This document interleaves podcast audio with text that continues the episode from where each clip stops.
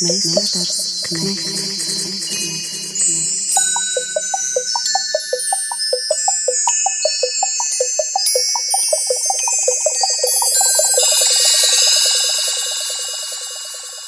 Meistars Knechts. Labvakar! Ēterā šīs sezonas pēdējais raidījums Meistars Knehts. Tā vadītāji Orests Silabriedis un Māra Rozenberga. Krievijas iebrukums un zvērības Ukrainā daudziem šajās dienās nelabumu pakrūtē uzsitis tik augstu, ka miera laiku racionālos apsvērumus un samierniecisko reālu politiku aizstājusi strauja, izlēmīga un emocionāli uzlādēta rīcība. Pirms nedēļas tūkstošiem cilvēku Rīgā devās gājienā par atbrīvošanos no padomju mantojuma. Nu pat saimā top likums, kas padomju režīmu slavinošu pieminekļu nojaukšanu pašvaldībām uzliks par pienākumu.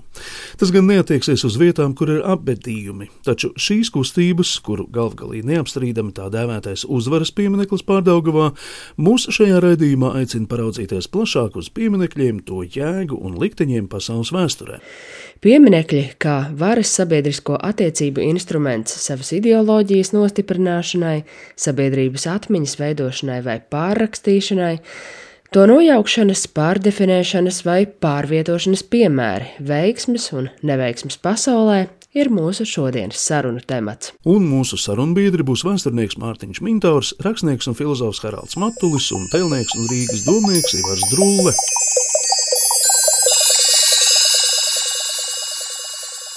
Meistars Knechts.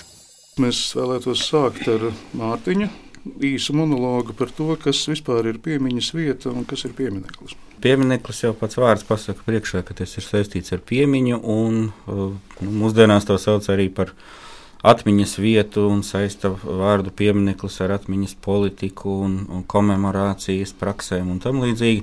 Bet pieminiekļa pamatu uzdevums ir būt par atgādinājumu. Un tāpēc pieminekļi vienmēr ir būvēti, pieminekļi vienmēr ir celti, uzstādīti un arī jaukti noteiktās, noteiktos vēsturiskos brīžos. Un tāpēc izvairīties no šī uh, mūžīgā riņķojuma laikam nebūs iespējams nevienai sabiedrībai, tā skaitā arī Latvijas, Latvijas sabiedrībai. Un tāpēc, manuprāt, tas galvenais jautājums ir, kādēļ konkrēts piemineklis tiek uzbūvēts, kas ar to notiek laika gaitā. Uh, kā mainās attieksme pret uh, to vai citu pieminiekli un kāpēc mēs, uh, kā sabiedrība, gribam kaut kādus pieminekļus redzēt savā tūmā, vai gluži otrādi negribam un jaucam šos, uh, šos pieminekļus nost. Bet principā tas vārds latviešu valodā piemineklis ir ļoti labi atbilstošs arī šī jēdziena etimoloģijai vēsturiski, tāpēc ka tas ir saistīts ar atmiņu ar uh, monumentumu, ar latīņu valodā rodamo šī vārda skaidrojumu. Tas ir tā, tas ir saglabājies arī, arī vācu valodā, tas, ko sauc par denkamālu vai mānamālu. Tad, tad viņi dala vēl pieminekļus dažādās kategorijās, pieminekļos un memoriālos. Nu, dažus pieminekļus sauc par memoriāliem, tie ir domāti īpaši atmiņu uzturēšanai spēkā, un, un, bet jebkurš piemineklis ir atgādinājums. Bet vai jebkurš piemineklis ir ideoloģisks? Jebkurš piemineklis ir ideoloģisks, tāpēc ka ideoloģija ir uh, klātesoša. Nu, varbūt tas uh, 50. gadu dekoratīvās telniecības objekts Ogres pilsētā Lācītis ar meduspodu varbūt nav ideoloģisks piemineklis tādā nozīmē, kā kā citi pieminekļi, bet arī uz to var paskatīties dažādi un pateikt, ka tas lācīts ir staļinisma perioda dekoratīvās telniecības iemiesojums, un, un, un, un, un lācīša semantika vispār ir aizdomīga un tā tālāk. Tā, protams, tas var būt vinīs pūks un varbūt arī kā, kāds cits lācīts. Jā, baisais lācis no Krievijas mežiem. Mhm. Telnieks Ivars Drūla, mūsu sarunas dalībnieks Ivar, vai piemineklis tā obligāti ir arī saikne ar to, ko mēs mēdzam apzīmēt ar vārdu māksla, respektīvi vai piemineklis vienmēr nozīmē mākslu, tas ir obligāts nosacījums. Nu, tā nav. Protams, piemineklis obligāti vienmēr nenozīmē mākslu. Mums ir liela daļa gadījumu, kad par mākslu mēs īpaši nevaram runāt. Bet, piemēram, ir kaut kāda grupa, kad mēs pilnīgi noteikti varam šobrīd runāt par mākslu un vienkārši paturpināt šo pieminiektu tēmu. Es varētu iezīmēt nu, tādu vienu piemēru, kā uh, ir uh, Dienvidslāvijā noticies. Tad, tad, arī tajā pašā mm, skarbajā, tumšajā laikā, kas ir viss eh, komunisma rēks, iet pāri Eiropu, tieši Dienvidslāvijā. Tādā 30 gadu laikā, 50, 60, 70 gadi, tāpa milzīgs skaits pieminiektu, monumentu, teiksim, ja mēs iedomājamies Salaspils memoriālu, ja, tad apmēram stilistiski līdzīgi, betons, milzīgs, ļoti vērienīgs, un tādi tika izveidoti desmitiem, vairāk kā simts tādi. Un tagad, eh, tagad, eh, protams, Dienvidslāvija ir izjukusi, viņi visi tur ieauguši mežā, bet šobrīd notiek tāds tā kā pārvērtēšanas, izvērtēšanas vilnis, un visa Eiropa, visa pasaule ir atklājusi, ka tur ir kaut kas tik labs, tik skaists, tik vērtīgs. Bet kam šie pieminekļi bija domāti? Oriģināli? Šie pieminekļi bija domāti ļoti eh, līdzīgi tam, kam ir domāts mūsu atbrīvotāja piemineklis uzvaras parkā. Tad viņš ir domāts kaujām, atbrīvotājiem, partizāniem, cīņām. Bet es varētu piebilst to, ka viņi atrada. Tas tāds īpaši unikāla situācija vēsturē, ka Tito Dienvidslāvijas viņš ļāva izvērsties arhitektiem un telniekiem, Un viņi deva vaļā abstrakto mākslu. Tas bija vienīgā situācija, vienīgā iespēja vispār tādā postajā komunismu blokā nodarboties ar abstrakto mākslu. Un viņi tā nodeva vaļā, ka vienkārši nu, tagad, kad cilvēki brauc kultu turismu tūrēs, arī esmu tādā kultu turismu tūrē bijis. Iekārdinājuši, jāsaka. Jā, jā. Tur, tur varbūt Tito izmantoja reģionā zināmu pieredzi, līdzīgi kā Musolīni fašistiskajā Itālijā 20. gados, ja mums teiksim, šādi totalitārie režīmi kā nacistu Vācijā vai, vai Padomju Savienībā Staļina laikā asociējās ar pilnīgi citu estētiku, ja, ar tādu kompozitāti, pseido vēsturiskumu, tādām historismu atsaucēm un tam līdzīgi, tad uh, fašisma dzimtenē Itālijā, fašisma kā politiskās kustības dzimtenē Itālijā bija arī pietiekami brīvas rokas tieši modernās kustības vai modernās mākslas pārstāvjiem. Iespējams, ka Tito to lika aiz auss, ja, kā jau tajā reģionā dzīvojuši. Bet nu, tas Dienvidslāvijas variants vispār ir īpatnējs, tāpēc, ka kaut arī tā bija, protams, totalitāra pēc būtības un, un komunistiska pēc formas pārvaldes sistēma, kas pastāvēja šajā Dienvidslāvijas Federatīvajā republikā. Viņi tomēr neskaitījās, viņi nebija Varšavas pakta. Jo Varšavas līguma dalība valsts, viņi vienmēr turējās uh, trešajā pusē, ne, ne par rietumiem, ne par padomju savienību un tās satelītu valstīm. Bet, nu, Ne par to stāstu, stāstu par celtniecību. Eh, rakstnieks filozofs Haralds Matulis, arī sarunas dalībnieks. Haralds mums ir redzījuma meistars Knekts, kopīga pieredze ar skulptūrām, kur mēs pēc tam dabūjām eh, brāzienu par analfabētismu, jo mēs neatpazinām to kaķīti pie Nacionālā mākslas muzeja, kā, kā Rīgas simbolu izrādās. Un, man liekas, tas ir ļoti labs piemērs tam, ko Māra pirmīt jautāja par pieminekļiem un ideoloģiju. Tad, ja kāds dzīvnieks vienkārši uz ielas ir nogūlies, tā sakot, visas četras ķepas svēdars gaisā, vai mums obligāti tur bija jāatpazīst tas, ka īstenībā tur ir iekodēta visa Rīgas buržāziskā vēsture. Karādi, kāds vispār tev ir attiecības ar pieminekļiem? Vai tā ir lieta, par ko tev ir interesanti domāt? Jā, filozofi domā par visu, bet es aizdomājos par tiem pieminekļiem, kas ir celti, jā, tieši tas Es domāju, ka tas ir sunīts, bet tagad tas ah, ir kaķis. Un, un, un arī, arī, arī tie raiņi, kas ir pie bibliotekas un runājot ar inteliģences pārstāvjiem, nu, tā, tā attieksme ir diezgan neviennozīmīga. Nu, kā kādam kaut kas patīk, kādam kaut kas nepatīk, tie iemesli ir visdažādākie. Bet tas, kas ir tas kopējais, ir, ka tā diskusija, ja tas smagums ir par to, kuram ir tiesības publiskā telpā mm. kaut ko novietot. Un tur vienmēr nāk līdzi kaut kāda politika vai vara jo, jo pilsoņi nevar savākties, izdomāt un kaut ko novietot. Tam ir jābūt šķietam kā pilsoņu iniciatīvai, bet vienmēr augšā tāpat būs daži cilvēki atbildīgajās pozīcijās, kur apstiprinās, nu, ka šitais tiešām ir, ir tautiski, nacionāli pareizi un, un kultūrāli vajadzīgs, un tad tas tiek nolikts. Un es domāju, ka man ir mazliet rezervēta attieksme, jo es zinu, ka tās parasti netop kā tādas pilsoņu iniciatīvas no apakšas, vai arī, ja top, tad gadījumā, kā tas 4. maija laukums tika pārdēvēts, mm kas man likās kliedzošs gadījums, kad cilvēki, kam ir vara, izlēma uztiept kaut kādu vēstures interpretāciju, pat ja tā ir svētīga un pareiza, kamēr lielākajai daļai nejautā, vai jūs esat mieri, ka mainīs šī laukuma nosaukumu. Un, un tāpēc es cenšos no šiem jūtīgajiem jautājumiem labāk izvairīties līdz brīdim, kad mēs esam iemesti situācijā, kur kaut kāda pozīcija ir jāieņem. Jo tur neizbēgami ir kaut kādas ideoloģijas un, un spēka un interešu spēles no to puses, kur to procesu kaut kā ietekmē. Mēs droši vien vēl atgriezīsimies pie jautājuma par padomju mantojuma mm. likteni gan, gan Latvijā, gan citās arī bijušās PSRS un Austrum bloka valstīs, bet es gribēju mazliet pakāpties atpakaļ un, un mazliet tādu plašāku to skatu pavērst. Es lasīju kādu interviju ar eh, mākslas vēsturnieci Erinu Thompsonu, nu, amerikānieti, manuprāt, viņa ir laikrakstā New York Times, kura tieši ir veltījusi savu karjeru kultūras mantojuma iznīcināšanas pētniecībai.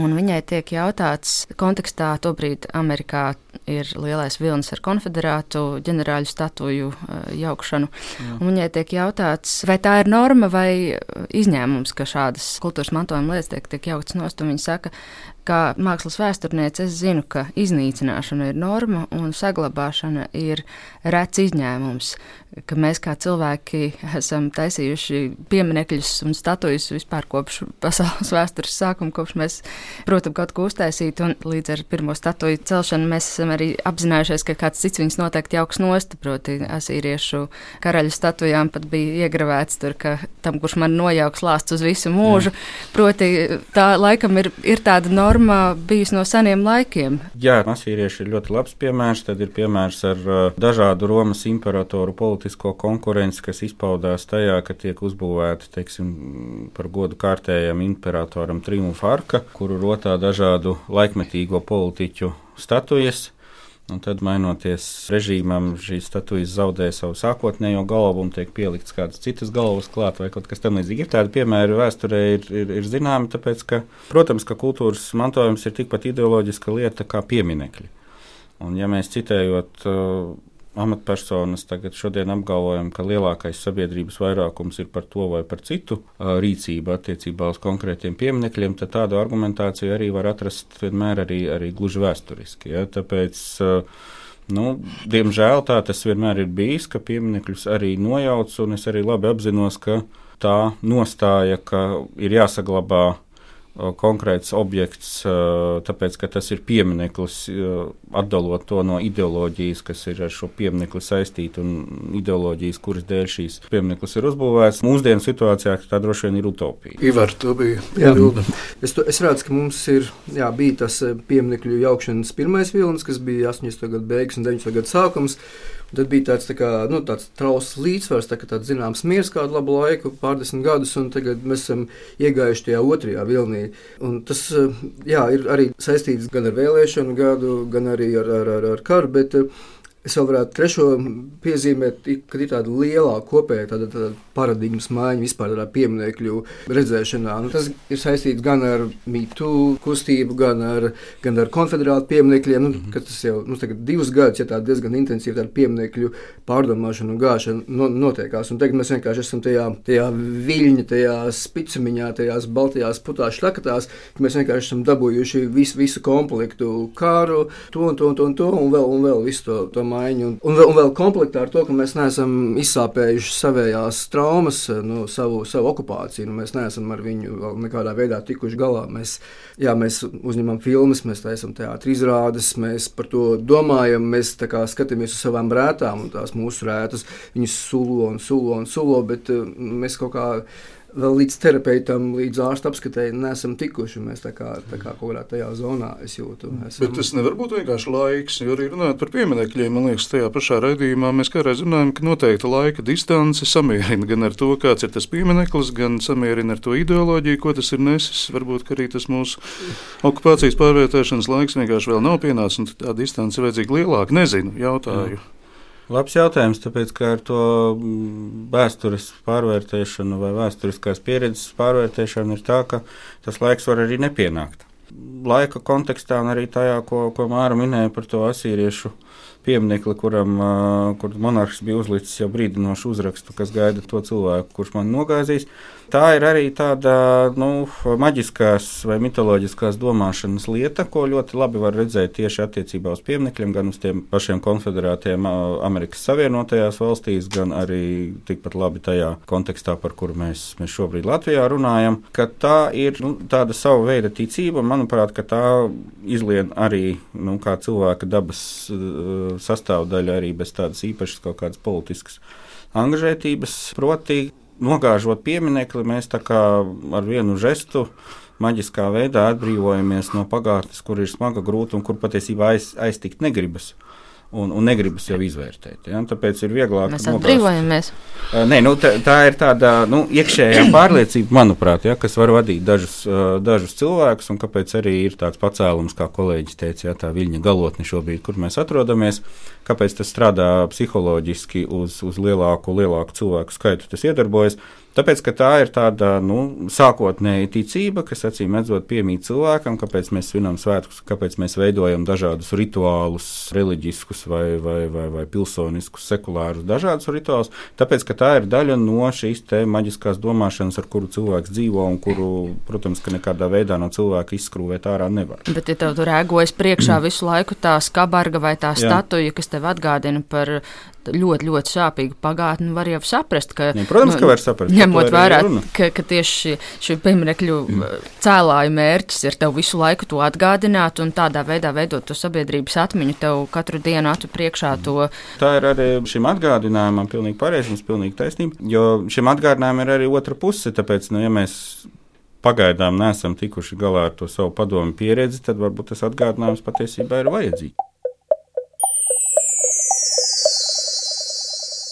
Es atcerējos tādu stāstu no pavisam cita pasaules galva, no Barbados, kur uh, nesen kļuva par uh, republiku. Bija zem uh, Lielbritānijas, zem Britu kroņa tieši tā. Un, un tur ģenerālis Nelsons viņiem mm. centrālajā galvaspilsētas laukumā un daudziem barbadosiešiem, kā Dādas sacīja, tāpēc, ka arī bijis liels vergturs. Un, Un, koloniālā pieredze. Mēs jau arī dzīvojam tajā pēcpadomu sistēmā ar šo nepārstrādāto koloniālo pieredzi. Ja? Un tas tikai kārtējs apliecinājums tam, ka tā tiešām bija koloniāla sistēma, jo attieksme pret tiem mm. padomu laika telniecības objektiem ir pieminekļiem tieši tāda pati, kā jūs minējāt. Ja? Kāpēc, kāpēc gāž aktīvisti konfederātus dienvidu štatu, tā teikt, vēsturiskās personas. Mm. Amerikas Savienotajās valstīs vai, vai teiksim, tajā Barbadosas minētajā. Un Barbadosā viņa to jautājumu arī ļoti ilgi netika galā, un sākumā viens no pagaidu risinājumiem bija pagriezt Nelsonu ar muguru, nu tā, lai nav visiem jāskatās uz to viņa seju, un tikai pēc mm. kāda laika savāds. Tieši tāpat kā šeit Latvijā mana balss tika vākti paraksti par pieminekļa pārdaugavā nojaukšanu, tā tur arī tika savākt daudz parakstu, un beigu beigās Nelsonu kā es saprotu, vairs nav. Jā, ne, nebūs arī, acīm redzot, tā pieminiekļa pārdaugovā, bet uh, bažas ir nevis par to, ka tur nebūs pieminekļu, bet bažas ir par to, ka nojaucot pieminekli, atviegloti nopūtīsies lielākais sabiedrības vairākums, pateiks, nu tad tas vienreiz ir cauri, beidzies, un, un viss pārējais paliks turpat, kur bijis. Visu šo klausoties un domājot vēl arī par citiem piemēriem, tāds abstrakts jautājums, vai attiecībā uz pieminiekļu jautājumu ir iespējams kāds princips. Nu, piemēram, es pats maldos savā domās ļoti. Uzvaras piemineklis, nu, man liekas, viņš ir vienkārši neglīts ja, un mākslinieciski mazvērtīgs. Salaspils memoriāls vienkārši izcili augstvērtīgs manā saprašanā. Nu, tādā nemākslinieki. Ja. Nu, kam ienāk prātā par salaspilu, taču nav bijusi diskusija, vai ne? Tā vajadzētu Nē, nav bijusi, bet tas ir arī cits konteksts, jo tas ir līdzīgi kā ar kapu pieminekļiem. Tā ir piemiņas vieta, tas ir tas, ko vācieši. Nu, labi, tas to glābi. glābi. Jā, tas ir, tā ir jā. vieta, kas ir saistīta ar civiliedzīvotāju upuriem, ar otrā pasaules kara visu šo traģisko pusi, nevis ar kaut kādu stāstu par atbrīvošanu kuram arī ir pietiekami daudz traģikas. Mēs visi esam Antonija Bīvara uh, grāmatas lasījuši par, par, par sarkanās armijas uh, varoņdarbiem pēdiņās Berlīnē, un tāpēc ir tik viegli to arī šobrīd uh, veidojas tā asociācija ķēde ar to, ko mēs zinām, ko dara uh, Krievijas armija Ukrainā. Jā, nu, jā bet, bet uh, šis noteikti nav vienīgais piemērs arī mm -hmm. par tiem pasaules piemēriem skatoties. Nu, kaut kāds 17. gadsimta vergturis, ko nogāza, kur tur Anglijā, ja nu labi, nu lieta, viņš līdzina tajā temzā, ja.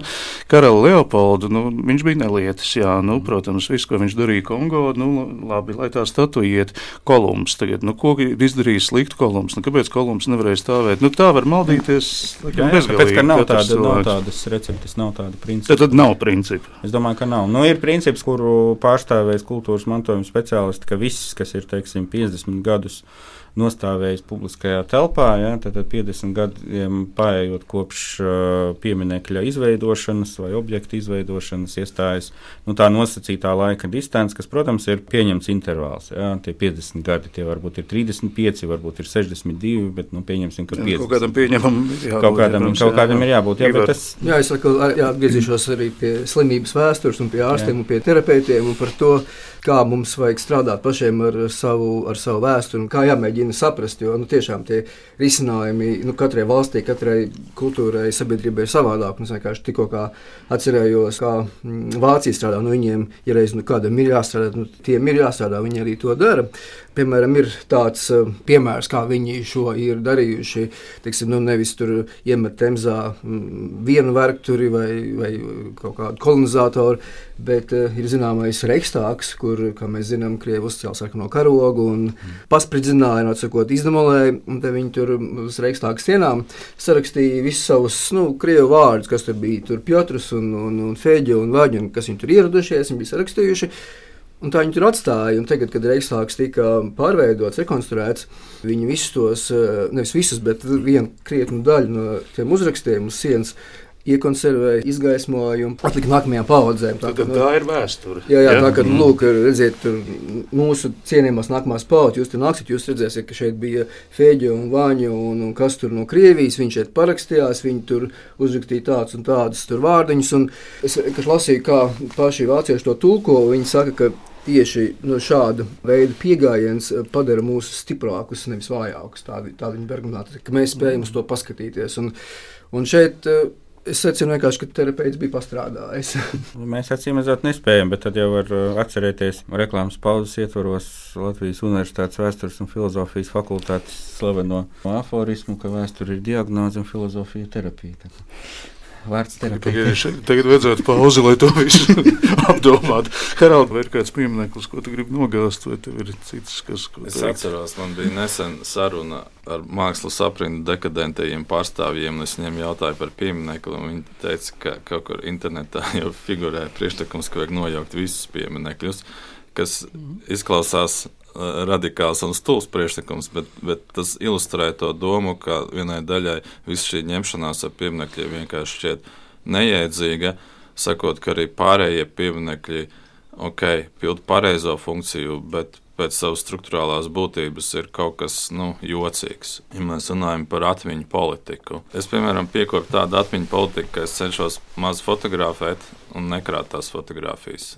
Bet cits savukārt krāja. Un tad man liekas, piemineklis ir vēl tāda augstākas pakāpes materializācija kaut kādām atmiņām, kas ir notikušas. Un tas man atgādina to strīdu starp uh, ikonu veidotājiem un ikonoklastiem. Proti, ikonoklasti grib sagraut tās ikonas tieši tāpēc, ka tas ir neadekvāts dieva attēlojums. Un līdzīgā veidā man šķiet, ka Nu, piemineklis ir diezgan neveikls mēģinājums runāt par kaut ko svarīgu, uzceļot kaut ko materiālu, falisku vai kādu citu un noliekot to kaut kādā vietā ir redzēti veiksmīgi neuzkrītoši pieminekļi vai skulptūrāli veidojumi, kas iekļaujas vidē un respektē, bet tas, par ko mēs līdz šim runājam, tie ir, man liekas, nu, tādi tipiski, es pat nezinu, kā sauc to laikmetu, ne koloniālais, bet nu, tāds pagājušie gadsimti. Un būtībā jau viņi kalpo šim kaut kādam rituāliem, sakrāliem mērķim. Un situācijā, kad sabiedrība ir sekularizējusies, tad tie pieminekļi nu, ir tā iespēja ap to 4. maija, 18. novembris vienot tos cilvēkus. Bet tas man, kā reliģija pētniekam, šķiet nu, diezgan ne, nu, neinteresanta reliģija. Ja, ka man reizi gadā vai dažas reizes gadā jāiziet gājienā un jāpastāv pie pieminiekļa. Ir daudz interesantāki veidi, kā iegūt kaut kādas pārmateriālas pieredzes. Un tas ir iemesls, kāpēc es principā tos pieminekļus ignorēju līdz brīdim, kamēr notiek šāds te, un man ir jāpieņem viedoklis, jo es tomēr esmu daļa no tās politiskās kopienas.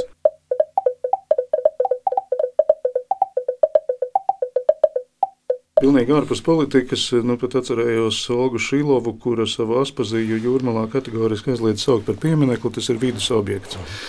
Nu, protams, katrs var izvēlēties, kā ko saukt. Un, un, Tāpēc, ka tur neviens nav apglabāts, tāpēc, ka tā nav nekāda kāpa vieta. Tas ir telniecis arguments, ja mēs nevis tur aizējam pasērot par kādu, ja mēs vienkārši ejam, mēs sastopam aspazīju. Nu, droši vien tas pats ir ar mūsu sunīti kaķīti pie Rīgas Mākslas muzejā. Jā, jā, un tas pats ir ar um, Armitstēdu kanāla malā un, un vēl daudz, daudz, daudz tādu.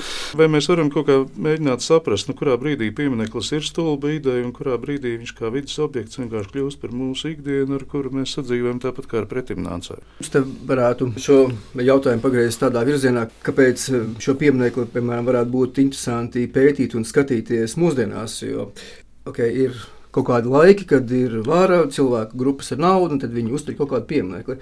Un kas šobrīd ir interesanti, vispār tādā visā pasaulē veido tādus tā antipieminekļus vai kontrapieminekļus, kas kaut kādā veidā miedarbojas ar šo pieminiektu. Nu, tāds piemērs Rīgā ir tas mūsu tā saucamais uzvaras piemineklis, un tad mums tur blakām ir fotosienas ar to, kas notiekās Ukrajinā. Tad mēs redzam, re, kur skrien šitie lielie šautenēm, un re, kur tad mēs redzam fotografijās, kur ir noticis mm. kaut kas otrs. Un, Un, un tas, es domāju, nu, teiksim, man kā tēlniekam un māksliniekam ir pats interesantākais. Piemēram, ir tāds, nu, tāds, tāds hrestomātisks gadījums, ka bija Prāgā, Čehijā tas padomju tanks, viņš tur stāvēja no 68. gada.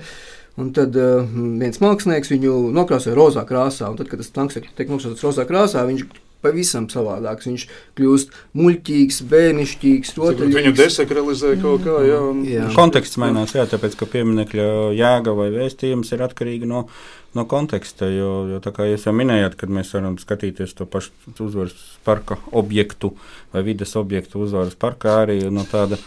Jā, jā, Jauns jā. jā, jauns efēmisms. jā. Es man atgādināju, ka mūsu brīnišķīgajā kolēģa raidījumā Mākslas vingrošana, ko mēs varam droši reklamēt, tepat radio klasika, kas skan bija divas sarunas tieši par uzvaras pieminekli, un vienā no tām Mākslas akadēmijas profesore Laila Bremša minēja arī tādas dažas idejas, eh, ko tad iespējams varētu darīt ar uzvaras pieminekli, ja to nejaukt nost, piemēram, apaudzēt ar vīteņaugiem vai aplīmēt ar spogulīšiem. Tas ir no, no Ivaru priekšlikums, no jā. sērijas par nokrāsošanu. Kā, kā mūsdienu pasaule strādā, tas ir, ir es, es domāju, arī arhitektiem, teorētiem, kriķiem tas ir vienkārši tā ir medus maize, tik klāt eh, kaut kādam tādam lielam objektam un ar viņu kaut kādā veidā pastrādāt. Nu, teiksim, vēl viens piemērs ir, ir Londona, ir uh, Trafalgara laukums. Viņam ir tādi četri milzīgi postamenti, uz kuriem uz trījiem stāv tur ģenerāļi, svarīgi veči, kas un tur ko tur izdarījis jūras kaujās savā laikā. Un tad eh, tam ceturtajam viņam nauda pietrūka, viņš tur neko neuzbūvēja. Un šobrīd eh, šis ceturtais postaments ir viens no tādiem pasaulē iekārojamākajiem, atzītākajiem tādiem mākslas, vidas mākslas pasūtījumiem, jo tur teiksim, reizes gadā viņi eh, veic pasūtījumu un uzliek kādu vidas objektu. Kas kādā veidā miedarbojās ar tiem visiem tiem ģenerāļiem un pilnīgi viņus neutralizē. Piemēram, tur bijuši kaut kāds, eh, piemēram, milzīga kūciņa ar, ar putekļiem un ķirsīšiem virsū. Vai tur ir um, liela marmora sieviete, kas ir piedzimusi bez rokām, bez kājām, kas arī kaut kādā ziņā, teiksim, tie ģenerāli simbolizē varu un spēcīgo, tad viņi simbolizē nu, kaut kādu neaizsargātību, kroplību un kaut kādus. Nu, un, un, un, un es domāju, šī ir tā medusmaize, ko, nu, teiksim, tajā mūsu tā saucamā uzvaras pirmā gadījumā daudz kas ir nokavēts. No ar bītaņu augiem mēs viņu vairāk neapaudzēsim. Jā, nu, tur tā problēma ir, ka 30 gadus tas objekts stāvēja un mēs to ignorējām. Nu, Plāksnīt nepielikām. Jā, tāpat kā visu to, to situāciju, kāpēc Latvijā tika slinēts 9. maija arī, arī šogad un arī pirms tam.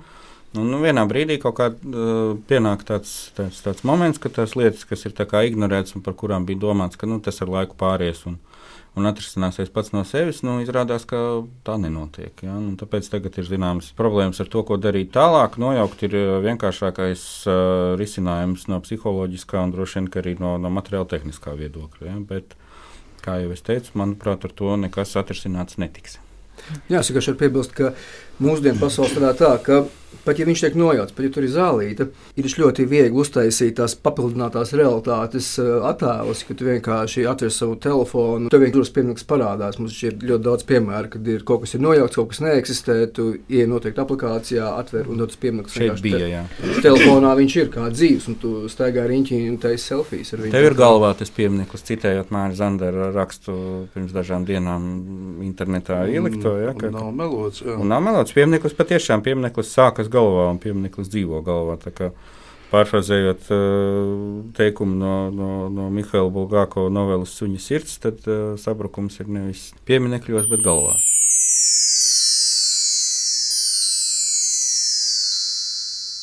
Radījumā Mēsters Knehts, Māris Rozenbergs un Arista Silabrieža viesi ir rakstnieks filozofs Haralds Matulis, mēsturnieks Mārtiņš Mintārs un tēlnieks un Rīgas domnieks Ivars Drūle. Kāda ir jūsu attieksme pret um, ideju, kas nav nekas jauns un, un Igaunijā Lietuvā tas vēl laikam notiek, mm, sapulcēt Leņķina pieminekļus un vispār padomju laika pieminekļus kaut kādā vienā noteiktā vietā. Piemēram, Ivandas eh, pagastā uzņēmējs Mēnards Mētelis piedāvā zemi, nu, tad, tad, tad ja tagad nāksim un liksim visus, nu, lai tas uzvaras monuments, tad arī tur varētu atrasties, piemēram, vai vispār tā ir apsverama ideja, jūsuprāt? Nu, es varētu pateikt, ka tas ir viens no veidiem, kā nu, teiksim, noņemt šiem pieminekļiem burvestību. Jo nu, viņi mm. kļūst par tādiem nu, teiksim, tā burvju varas eh, elementiem tajā brīdī, kad viņi stāv īstajā vietā, īstajā izmērā. Teiksim, ir aleja un alejas asa, un tad viņi asa galā, un tad viņi tur ir. Un tajā brīdī, kad tu viņu apgriez kājām gaisā, vai ieliec mežā, vai, vai, vai, depo kaut kādā, jā, kā, vai, pie, jā, vai pie kūts, eh, tad, tad, tad tas, viņš zaudē savu spēku. Tādā ziņā tas ir apsverams, tad, kad viņus eh, vesela kaudze ļeņiniem un karavīriem saliek kopā, viņi viens uz otru skatās un cīnās. Ja? Tad tas ir tāds kičs, un nu, ir pārbaudīts, ka tas labi strādā. Tādā ziņā, nu, jā, vieglais kumos, nu, jo Lietuvā tādas ir un izskatās vienkārši Instagramā lieliski. Jā, desakralizēt visu to padomju mitoloģiju, ja, kas strāvo no šiem no šiem objektiem. Es nezinu, man ir pretrunīga attieksme pret tādu ideju, jo no vienas puses, jā, tas ir veids, kā saglabāt labi, bet saglabāšanas kontekstā man vairāk šķita interesanta tā ideja, ko pirms dažām dienām teica Igors Dabīčins televīzijas sižetā par to, ka Mākslinieku savienība izrāda zinām interesi par to, kā saglabāt tos provincē esošos pieminekļus un piemiņu zīmes, kurus arī ir plānots noņemtu, kas ir saistīta ar šo padomju, padomju ideoloģiju. Nu, respektīvi, izveidot kaut kādu depozītu, kad, tad, tad tas viss pārējais nomierināsies pēc Es domāju, ka jau ne pēc 20, bet pēc 10 gadiem studenti ierakstīs diplomu darbus par padomju tēlniecību tieši ideoloģiskajā kontekstā, tad viņiem būs uh, nepieciešamas uh, liecības par to, kāda tā padomju tieši ideoloģiskā un politiskā tēlniecība izskatījās. Nu, jā, te ir arī runājot par to, ko Ivars jau pieminēja, ka mēs pārdzīvojām vienu vai piedzīvojām vienu tādu pieminiektu jaukšanas vilni 90. gadu sākumā. Tur tomēr ir drusku savādāk, tāpēc, ka, manuprāt, par Ļeņinu nekad tādas kaislības vai par tiem Ļeņiniem, kuri stāvēja dažādās rajonu pilsētās un, un tā skaitā Rīgā, par tiem nekad tāda diskusija nebūtu notikusi, kāda notiek tagad par cita veida padomju pieminekļiem, tāpēc, ka Ļeņins, manuprāt, bija tāds pats padomju varas atribūts kā pēc PSRS ģērbonis vai karoks. Ja, un, un beidzot eksistēt uh, Padomju Savienībai, loģiski, ka Ļeņins arī aizgāja turpat, kur aizgāja Padomju Savienība. Bet tad, kas ir tas, kas ir izrādījies stiprāks? Es nepat iedomājos arī Reizekni. Nu, mm -hmm. Pamēģiniet noņemt Reizeknē ļošu, man liekas, tur būs nu, revolūcija.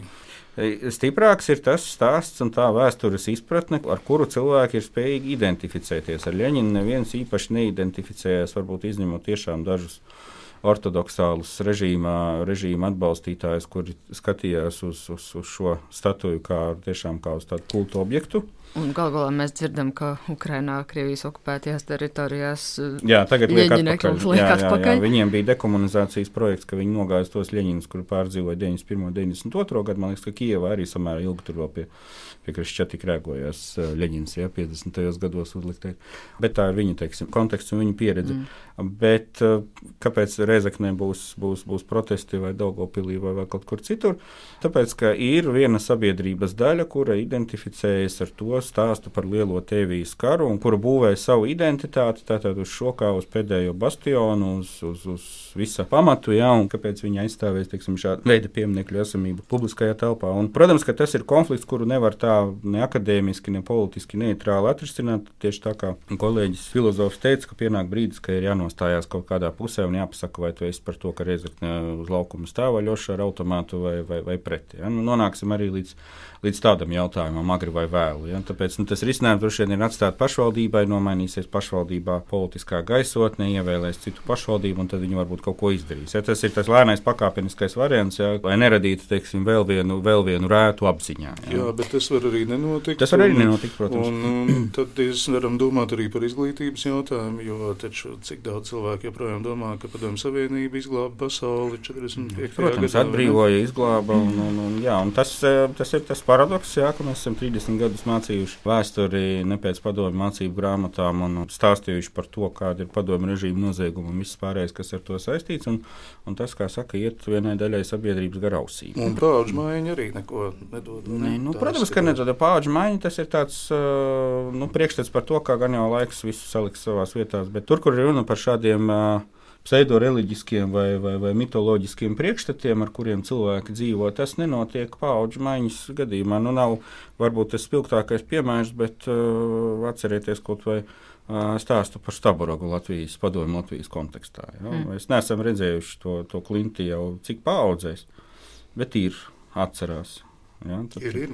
Iet un skatās. Iet un skatās jā, uz vietu, kur viņš bija. Jā, jā, un, un, un, un, un, un tā vieta kļuva par, par dabas pieminekli 2000. nemaldos 4. gadā, vai kaut kad, ko parasti nedara, jā, ka objekti, kur vairs neeksistē dabā vai no apskatām, tos neieraksta pieminekļu sarakstos, arī dabas, dabas pieminekļu vai dabas objektu sarakstos. Tā kā tur ir vienmēr, kur ir klāt šī mitoloģiskās vai maģiskās domāšanas sastāvdaļa vai elements, ar to ir jārēķinās, ka tu to nevari atcelt ar vienu dekrētu. Es domāju, ka pareizi izdarīju šogad, kad 9. maiju mēģināju pārstruktūrēt. Ja? Tad, tad nu, tieši Ukraiņas kontekstā tas, ko varēja izdarīt, ir pasludināt 9. maiju par Ukraiņas kara upuru piemiņas dienu. Jā, pilnīgi pareizi, bet ir jārēķinās ar to, ka tai sabiedrības daļai, kurai 9. maija ir viņu, viņu pasaules uzskatā iebūvēts tā, kā tas ir iebūvēts, tur ar vienu dekrētu vai ar vienu saimas lēmumu vai balsojumu neko neizmainīs. Ja to neizmainīja iepriekšējos 30 gados, tad kaut kas nav ticis darīts pareizi, un um, jautājums ir par to, kas, kas tiks darīts tālāk.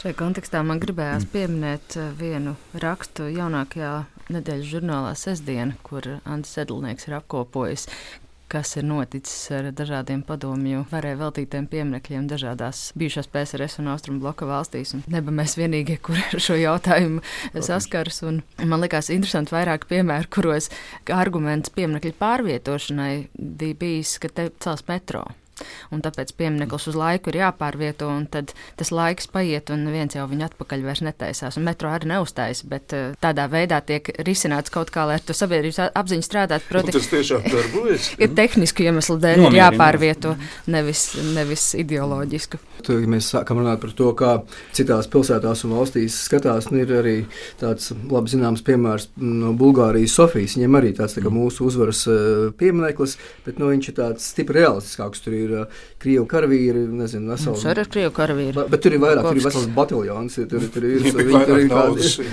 jā, un, un tas, ko viņi vienā brīdī, kā sākās kāda pašiniciatīva no iedzīvotājiem, ka viņi šos uh, karavīrus izkrāsoja tādās tā komiksu varoņu krāsās. Tur tas mm -hmm. viens, kas tur galvenais, ka ir supermens, tad tur ir jokers. Ir, tas par rozā tanku būtībā. Jā, jā, jā un turpinot to rozā tanku, tad šis, šī rozā krāsa kļuva par tādu kontramonumentu, tādu kā simbolisko krāsu, un tad viņi brīdim nokrāso rozā krāsā, un tad, kad nāk uh, praids, viņi nokrāso visādās tādās varīgas krāsās. Bet, Jūs spējat iedomāties kaut ko tādu Rīgā? Nu, es domāju tā, ka ja mēs būtu ar uzvaras pieminiektu strādājuši nu, ar, ar viņu pārzīmološanu, tad tas būtu mm. viens no ceļiem, kā to darīt. Es nesaku, viņš ir jāapgriež tie karavīri kājām gaisā, vēl nokrāso rozā, bet ir noteikti veidi, instrumenti, ka tu atņem to burbuļu spēku. Viņš vienkārši tā, tāds kukainis ir apmeties kājām gaisā, un, un, un viņš neko tur nedara. Pie viņa vairs nemaz puķis negrib iet likt vairāk. Jā, es tieši gribēju jautāt, vai tas tomēr iznīcinātu arī to 9. māja sajūtu. Man kaut kā neliekas. Jā. Un, un tad mēs nonākam pie nākamā jautājuma. Un, nu, tagad ir pieņemta sabiedrība dalīt tos, kam latviešu valoda nav dzimtā valoda. Tagad viss paliek korektos līkumus izējot. Tad, tad labie krievi un sliktie krievi. Ja? Nu, ir mums mhm. tāds pieņēmums. Arī labu labo krievu ģimeņu pēcteču pārstāvi atzīst, jā, ka viņi ir gājuši 9. maijā, ka tā ir ģimenes tradīcija, ka šī piemiņas vieta ir vajadzīga. Vai ir iespējami risinājumi, ko var piedāvāt kā alternatīvu? Nu, mēs esam dzirdējuši gan no dzīsniekiem, gan no citiem. Mm, Latvijas kontekstā, kā piemiņas vieta, un atgriežoties pie vārda piemineklis un, un pie tā, ko jūs minējāt, kāpēc Aspazijas telpiskais atveidojums jūrmalā nav nav piemineklis. Piemineklis pirmām kārtām ārpus akadēmiskām diskusijām asociējas ar kapiem. Pieminekļi ir kur pieminekļi atrodas kapos. Tad pieminekļa pamatfunkcija ir atgādināt par mirušajiem. Latvijas gadījumā, protams, ka šī tradīcija gan jau sāk pamazām, te jau ir kaut kāda dažu gadu desmit ilga vēsture. Ja runā par otrā pasaules kara upuru piemiņu, un tā skaitā otrā pasaules karā kritušo karavīru piemiņu, tad, protams, Rīgas brāļu kapi ir tas piemērs, kurā ir visu iespējamo militāro formējumu un armiju pārstāvji apglabāti, kas ir karojuši Latvijas teritorijā otrā pasaules kara laikā. Mierīgi dus visi kopā. Uh, mierīgi dos visi kopā. Ja? Tā ir vieta, atbildot uz jautājumu, vai ir kād, kādas alternatīvas, tā skaitā kritušo pieminēšanai un, un šo ģimenes tradīciju saglabāšanas vārdā. Tad, tad, vai ir vieta, kur aiziet pieminēt kritušos ģimenes locekļus, tad, kad uzvaras pieminekļa pārdaugā nebūs, tāda vieta, protams, ir. Un turklāt viņa ir kļuvusi par simbolisku vietu arī tiem, kuri tur nedus. Nu, proti, arī arguments, ka jā, bet mēs nezinām, kur mans vectētiņš krita.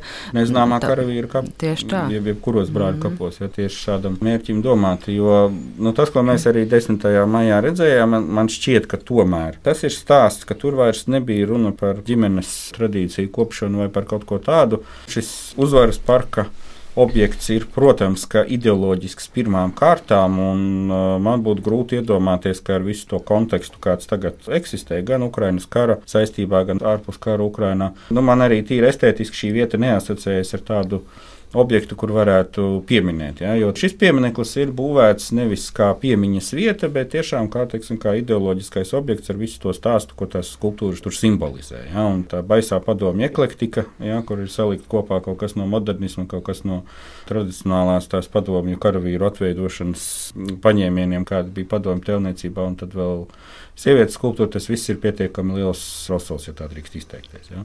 Bet jūs arī, Mārtiņ, teicāt redzījumā, kas notiek Latvijā, ka nevar visu likt vienā maisā. Nu, nevar visu likt vienā maisā, un tas ir vēl viens jautājums, ko es arī esmu uzdevis un, un gribu uzdot. Jā, viens jautājums, kas notiks ar padomju okupācijas pārvērtēšanu pēc tam, kad šī staba vairs uzvaras parkā nebūs, vai tas netiks vienkārši norakstīts kā izdarīta lieta un beidzot tam ir pielikts punkts. Otrs jautājums, tad, tad nu, ko darīt, kas arī izskanēja tajā televīzijas raidījumā nu, kurš tad sastādīs sarakstus, kurus objektus mēs uzskatīsim par ideoloģiski uzlādētiem un, un nojaucamiem. Ja? Un tāpēc tas jūs jau arī pieminētais tukuma pieminekļa gadījums ir, ir varbūt spilgtākais, labāk zināmais, bet tukumozos. Jā, tukumozos. Nu, tas ir tāds tautas apzīmējums, jo jā. oficiālais nosaukums ir piemineklis tukuma atbrīvotājiem. Ja? Tikai nu, tas nekādi neasociējās teiksim, ar kaut kādu padomju varonīgā karavīra atbrīvotāju tēlu, ja? kas tur ir redzams dabā. Un, un, un, un, tāpēc tas ir jautājums, ko iesākt ar šāda veida objektiem. Jo viena lieta ir deklarēt to, ka mēs gribam atbrīvoties no padomju mantojuma, ok, lai būtu, un nojaukt visus objektus, kas ir saistīti ar šo padomju ideoloģiju un, un ielas. Un, jāsaka, es sāku domāt tajā brīdī, kad es dzirdēju šīs prasības, kā tas tika atreferēts internetā, kādas prasības ir izvirzījuši gājienu dalībnieki vai viņu pārstāvji, tad jāsāk domāt, kur mums vēl ir kādas padomju funkcionāru vārdā nosauktas ielas. Es saku, Rīgas domē saņēma e-pastu ar sarakstīnu. Ir ir tautā, ielas, saraksts, jā. Jā, jā, jā, ir, mm. ir paskatīti, piepildījusies. Gan visi iespējami akmeņi krūmos ir saskaitīti, gan mm. ielas, par kurām mēs uh, kā, īstenībā ne, nenojautām. Izrādās, jā, jā, ir ļaunums. Sakarā ar to, ka mēs esam šajā viļņu augšņā, tad tas vienkārši ir, ir, ir parāvis to visu līdzi. Mm. Tagad ir jā, jāmeklē kadiķīšu zari un jāiet. Jā, daudz ko jau mēs vairs nevaram. Es joprojām nesaprotu, kāpēc vajadzēja Veidenbaum ielai atgriezties nosaukt nosaukumu, kāpēc tika iznīcināts Turbikalna bulvārs, bet nu, labi, tā ir cita tēma.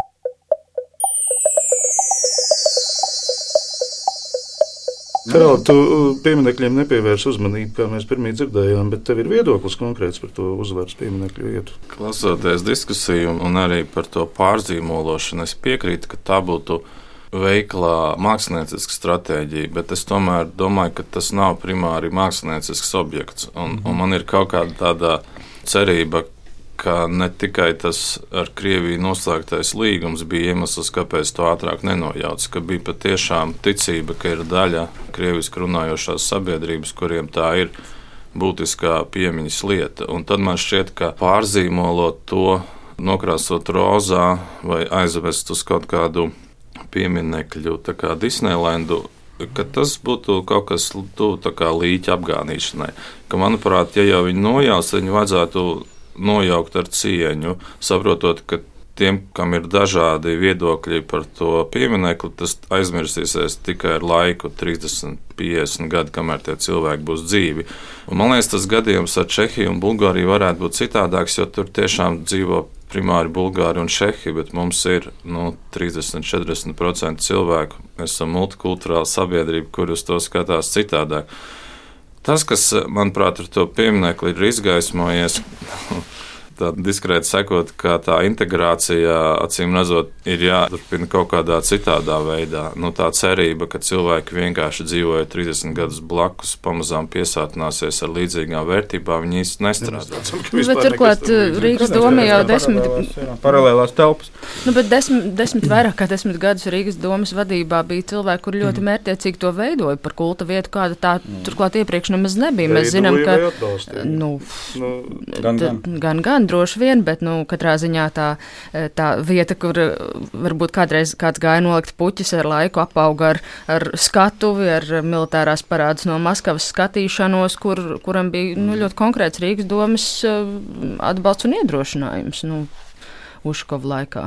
Tā kā tas jau nav tikai stāsts par to, ka mums nav izdevies to iekapsulēto sajūtu, varbūt eh, aprakt kaut kur dziļāk un, un, un pārvērt ar zemi, ja, bet uh, tur jau tās, tās rētas ir plēstas augšā ļoti mērķiecīgi. Tā, nu. Jā, un tas raisa interesants jautājums, vai šī demokrātiskā valsts iekārta, kur valsts nodarbojas tikai ar IKP audzēšanu, atstājot visu medijiem un katram teikt, ko grib, vai tas strādā. Jo mēs redzam, ka viena aktīva daļa spēja radīt šādu propagandu un šādu kustību, kas, protams, rada interesants jautājums, vai tas nozīmē, ka mums vajadzētu aktīvāk nodarboties ar ideoloģisku audzināšanu skolās, mēdījos, vai tas ir tas, ko mēs gribam. Pretējā gadījumā, kā mēs varam sagaidīt vienotu sabiedrību, ja katrs var dzīvot savā mēdīju telpā. Un tas ir, manuprāt, interesants jautājums, jo kā tad mēs dzīvosim?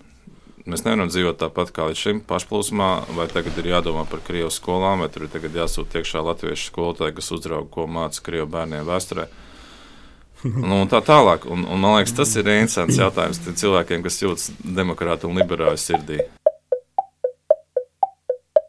Es vienkārši par to, ka katrs um, dzīvo kā, savā mediju telpā. Es teikšu, tā, ka nu, ir bijuši kaut kādi laiki, kad mēs iztēlojamies, ir tāda viena vienota nācija, un tad visa šī vienotā nācija iet pie viena pieminiekļa, un tad viņi dzied uh, dziesmas tam vienam vadonim un liek puķus. Un tā notiekās dzīve pilsētā vai valstī, bet teiksim, tādā normālā, es domāju, labi, jūtīgs vārds, normālā, bet tādā mūsdienu tādā demokrātiskā sabiedrībā nu, nācija sastāv no dažādām grupām, dažādām identitātēm, dažādiem paveidiem. Dzinieki iet pie rāņa, latvieši iet pie brīvības pieminiekļa, dažādas grupas iet pie dažādiem pieminekļiem. Un, teiksim, ja mums būtu lielāka musulmaņu kopiena, viņi iet pie kaut kāda sava pieminekļa. Un es domāju, ka tas ir Pilvūgbeka. Jā, pilvūgbeka.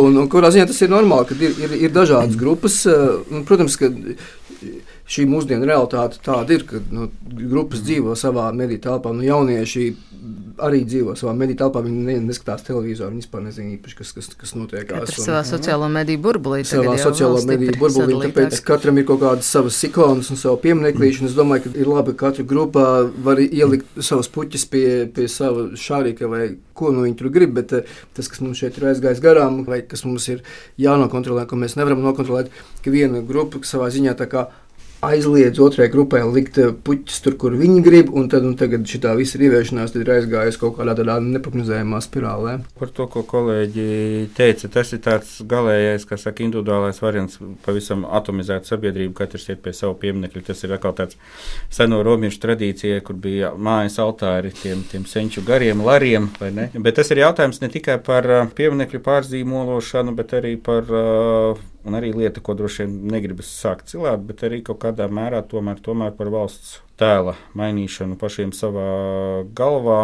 Un kāpēc mēs dzīvojam tā, kā mēs dzīvojam? Uz klasisko jautājumu atbildot, tāpēc, ka tāda ir mūsu vēsture, mēs saņēmām tādu jau segregētu, sadalītu sabiedrību, kopienās sadalītu sabiedrību no padomju režīma. Jo pirms tam tādas sabiedrības Latvijā nebija. Bija, protams, multikulturāla, daudznacionāla, polietniska sabiedrība arī līdz padomju okupācijai, bet tas bija cits konteksts un citas, citas arī attiecības. Un tur var atcerēties, ka kas spridzināja savā laikā 29. gadā Landesvēra pieminekli. Tieši šī paša iemesla dēļ, ka bija pretrunas starp to, kas tad ir īstie Rīgas atbrīvotāji 1919. gadā vai Vācu Landesvērs, kurš tika uztverts būtībā kā ienaidnieki vienā daļā Latvijas sabiedrības pirms kara vai, vai, vai savādāk. Ja, bet stāsts nav par to, stāsts ir par to, ko mēs varam darīt šādā situācijā, kādā mēs dzīvojam, saņemot no, no sabrukušā padomu režīmu sabiedrību, kādu mēs saņēmām.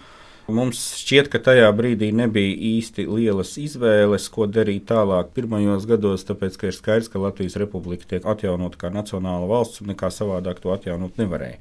Bet tas, kas kaut kur iestrēga un apstājās, ir uh, nākamais solis tajā nācijas izpratnes attīstībā, kā pāriet no etniskas nācijas uz politisku nāciju. Par to runāja 90. gados, un tam bija pietiekami liela pretestība arī sabiedrībā, un to uzskatīja par tādu rietumu diktātu un, un, un, un par tādu slēptu variantu, kā legalizēt okupācijas sekas, ka tagad mēs runāsim par politisko nāciju, mēģināsim kaut kā to veidot.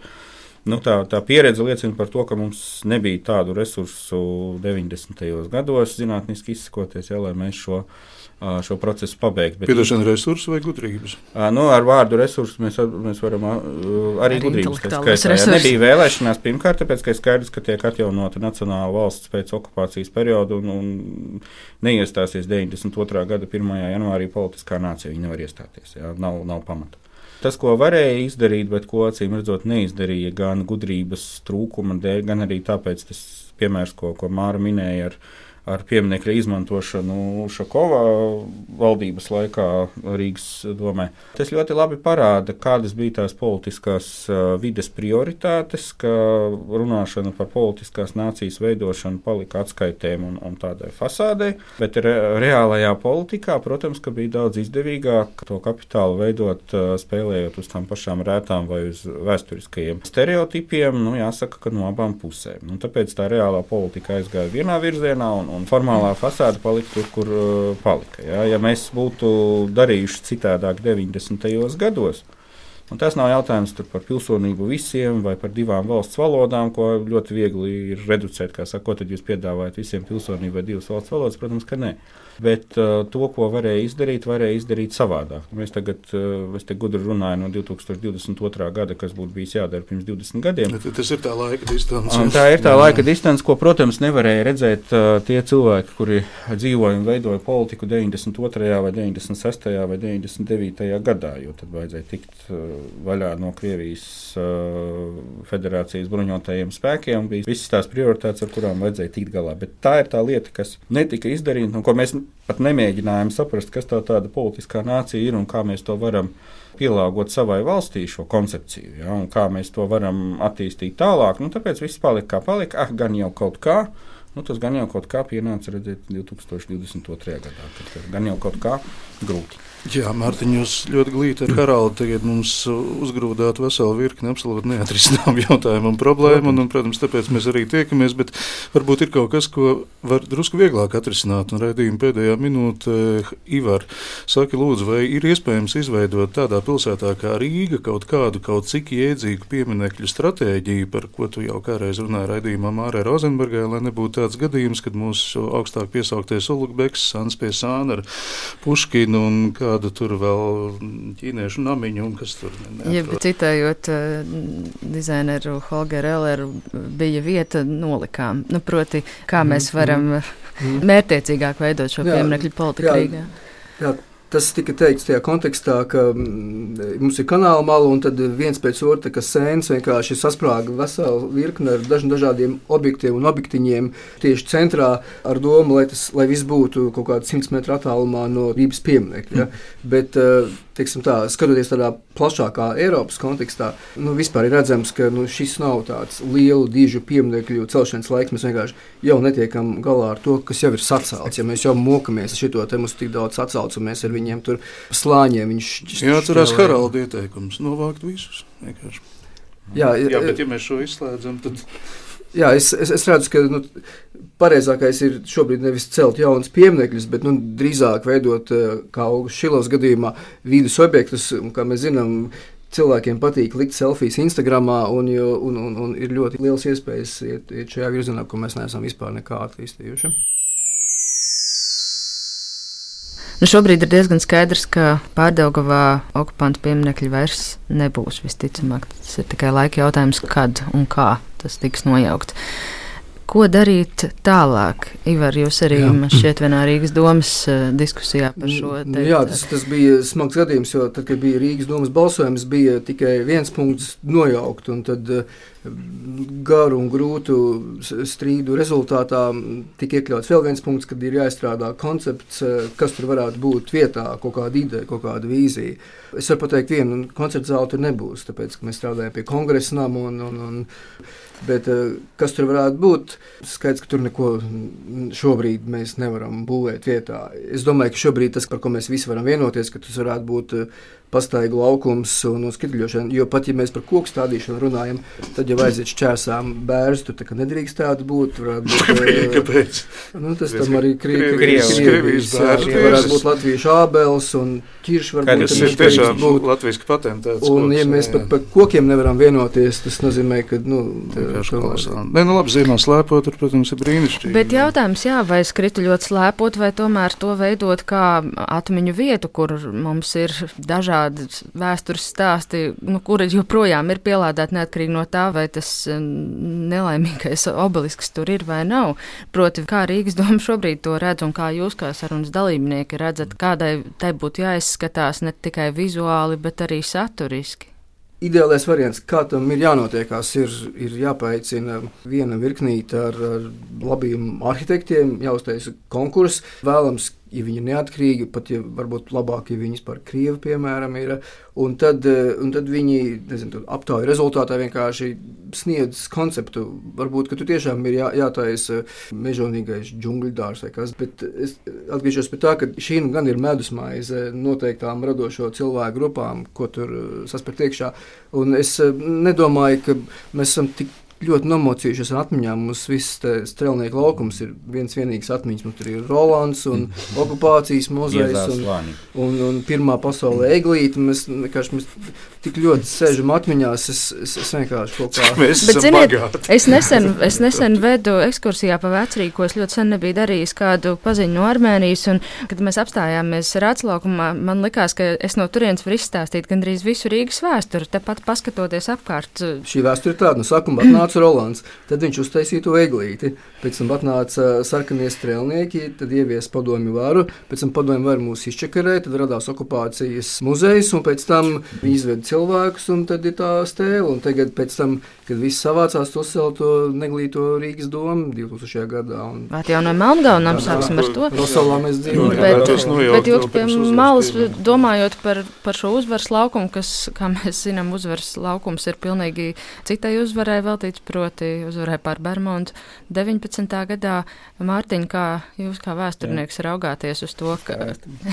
Jā, nē, tas lab, tā ir laba frāze, kas vienmēr vēsturnieku iepriecina. iepriecina jā, jūs kā vēsturnieks. Nu tad, nē, bet nopietni runājot par to, es domāju, ja tur atstāja tukšu vietu, tad ar to nekas arī nebeigsies. Tur tāpat būs puķis vai zvaigznes formā vai kādās citās formās. Un arī, ja mēs to ignorēsim, teiksim, uztaisīsim skateparku vai kaut kādu, kaut kādu tam līdzīgu, arī tas nenostrādās visticamāk tuvāko 30 gadu laikā. Bet, vai arī vajag. Klauso, nu, vai arī vajag. Tieši tā, klausoties tajā mūsu šīs dienas sarunā, man ienāca prātā, burtiski pirms brīža, kamēr Ivars runāja, man ienāca prātā tāda versija. Es atcerējos, kā izskatās uh, slavenais piemineklis Rotterdamā, kas ir uh, uzbūvēts tad, tad, uh, pilsētas nopostīšanai. Otrā pasaules kara laikā tā figūra, kas ceļ rokas uz debesīm. Ah, tas ir tam par godu. Jā, jā, jā tas ir bombardēšana 40. Zināšu, gadā, kad Vācu armija gāja pāri. Nu, faktiski nonesa šo pilsētu. Jā, nu, noslaucīja pa tīro. Jā. Tad šī vieta, manuprāt, jo skaidrs, ka mēs viņu tagad neapgriezīsim kājām gaisā, ja tur būs tukša vieta, tā nebūs tukša ne galvā, ne, ne, mm. ne dabā. Tad, tad tas, ko tur var darīt, ir uzlikt piemiņas zīmi 20. gadsimta Latvijas vēsturei ar visu to, kas tur ir iekšā. Un tad ir jautājums par to, ko Ivars teica. Jā, tad ir tiešām jārīko konkurss un jādomā, kā to varētu iemiesot materiālā un, un kādā veidā. Ja? Bet es domāju, ka tas gan tīri no pilsētas plānošanas viedokļa, tas krustojuma stūris un tā ass uz, uz centrālās ielas un uz, uz akmens tilta ir vieta, jo tas, par ko mēs šodien runājam, tas viss nāk no, no 20. gadsimta. Visa tā sašķeltā sabiedrība, visi šie dažādie ideoloģiskie rāmji un ideoloģiskā uztvere un mitiskā uztvere, kurā cilvēki dzīvo. Tas skaidrs, ka tas nekur nepazudīs. Aprakt mēs to nevaram, jo, ja mēs kaut ko apraksim, tas tā kā tā izlīdīs ārā. Bet uh, tam var uzlikt piemiņas zīme visai šai 20. gadsimta Latvijas traģiskajai vēsturei. Un katrs varētu nest puķi pie tā laika nogriežņa, kuru viņš uzskata Tieši par tā, uh, jautājums jau laikam ir vienkārši par to, kā likvidēt to kulta vietas sajūtu, kas tur šobrīd ir. Proti, ka tā ir vienai sabiedrības grupai tā. vieta, kur aiziet un parādīt eh, Attieksmi. savu attieksmi. jā. Aizietu tagad Proti. arī citam pateikt? Haralda pašā pēdējā redzījuma sekundē tev ir vīzija. Es vēl Piemineklis. padomāšu par šo jautājumu. Man šeit tiešām nav viegli risinājumu. Kaut ko citu uzcelt uh, uzreiz neētiski, mēģināt viņu pārzemot, problemātiski, kulta vieta tāpat, ja gribēs tur saglabās. Man tomēr šeit, ka to varētu varbūt dalīt divās daļās. Ja tas notiek, ka pirmā ir nojaukt un tad paņemt kaut kādu pauzīti. Bet mm. tas vienmēr ir risks, ka, ja gara pauze, tad nenotiek nekas. Bet nu, tāpēc mums ir deputāti, kas, kas domā iedzīvotāju Šajā brīdī viss skatās uz Ivaru Drūlu. Brīnišķīgi. Tātad Ivars Drūlu, viens no sarunas dalībniekiem, vēsturnieks Mārtiņš Mintors, rakstnieks filozofs um, Haralds Matulis un Māra Rozenberga un Ores Silabriedis bija tie, kas aicināja viesus, izdomāja redzējumu tēmu. Tagad mēģinās saprast, kā ar to visu tikt galā. Mēs ar Knehta sezonu ir noslēgusies. Paldies sarunas dalībniekiem, paldies visiem, kas mūs klausījās. Un mēs tiekamies septembrī. Meistars Knechts.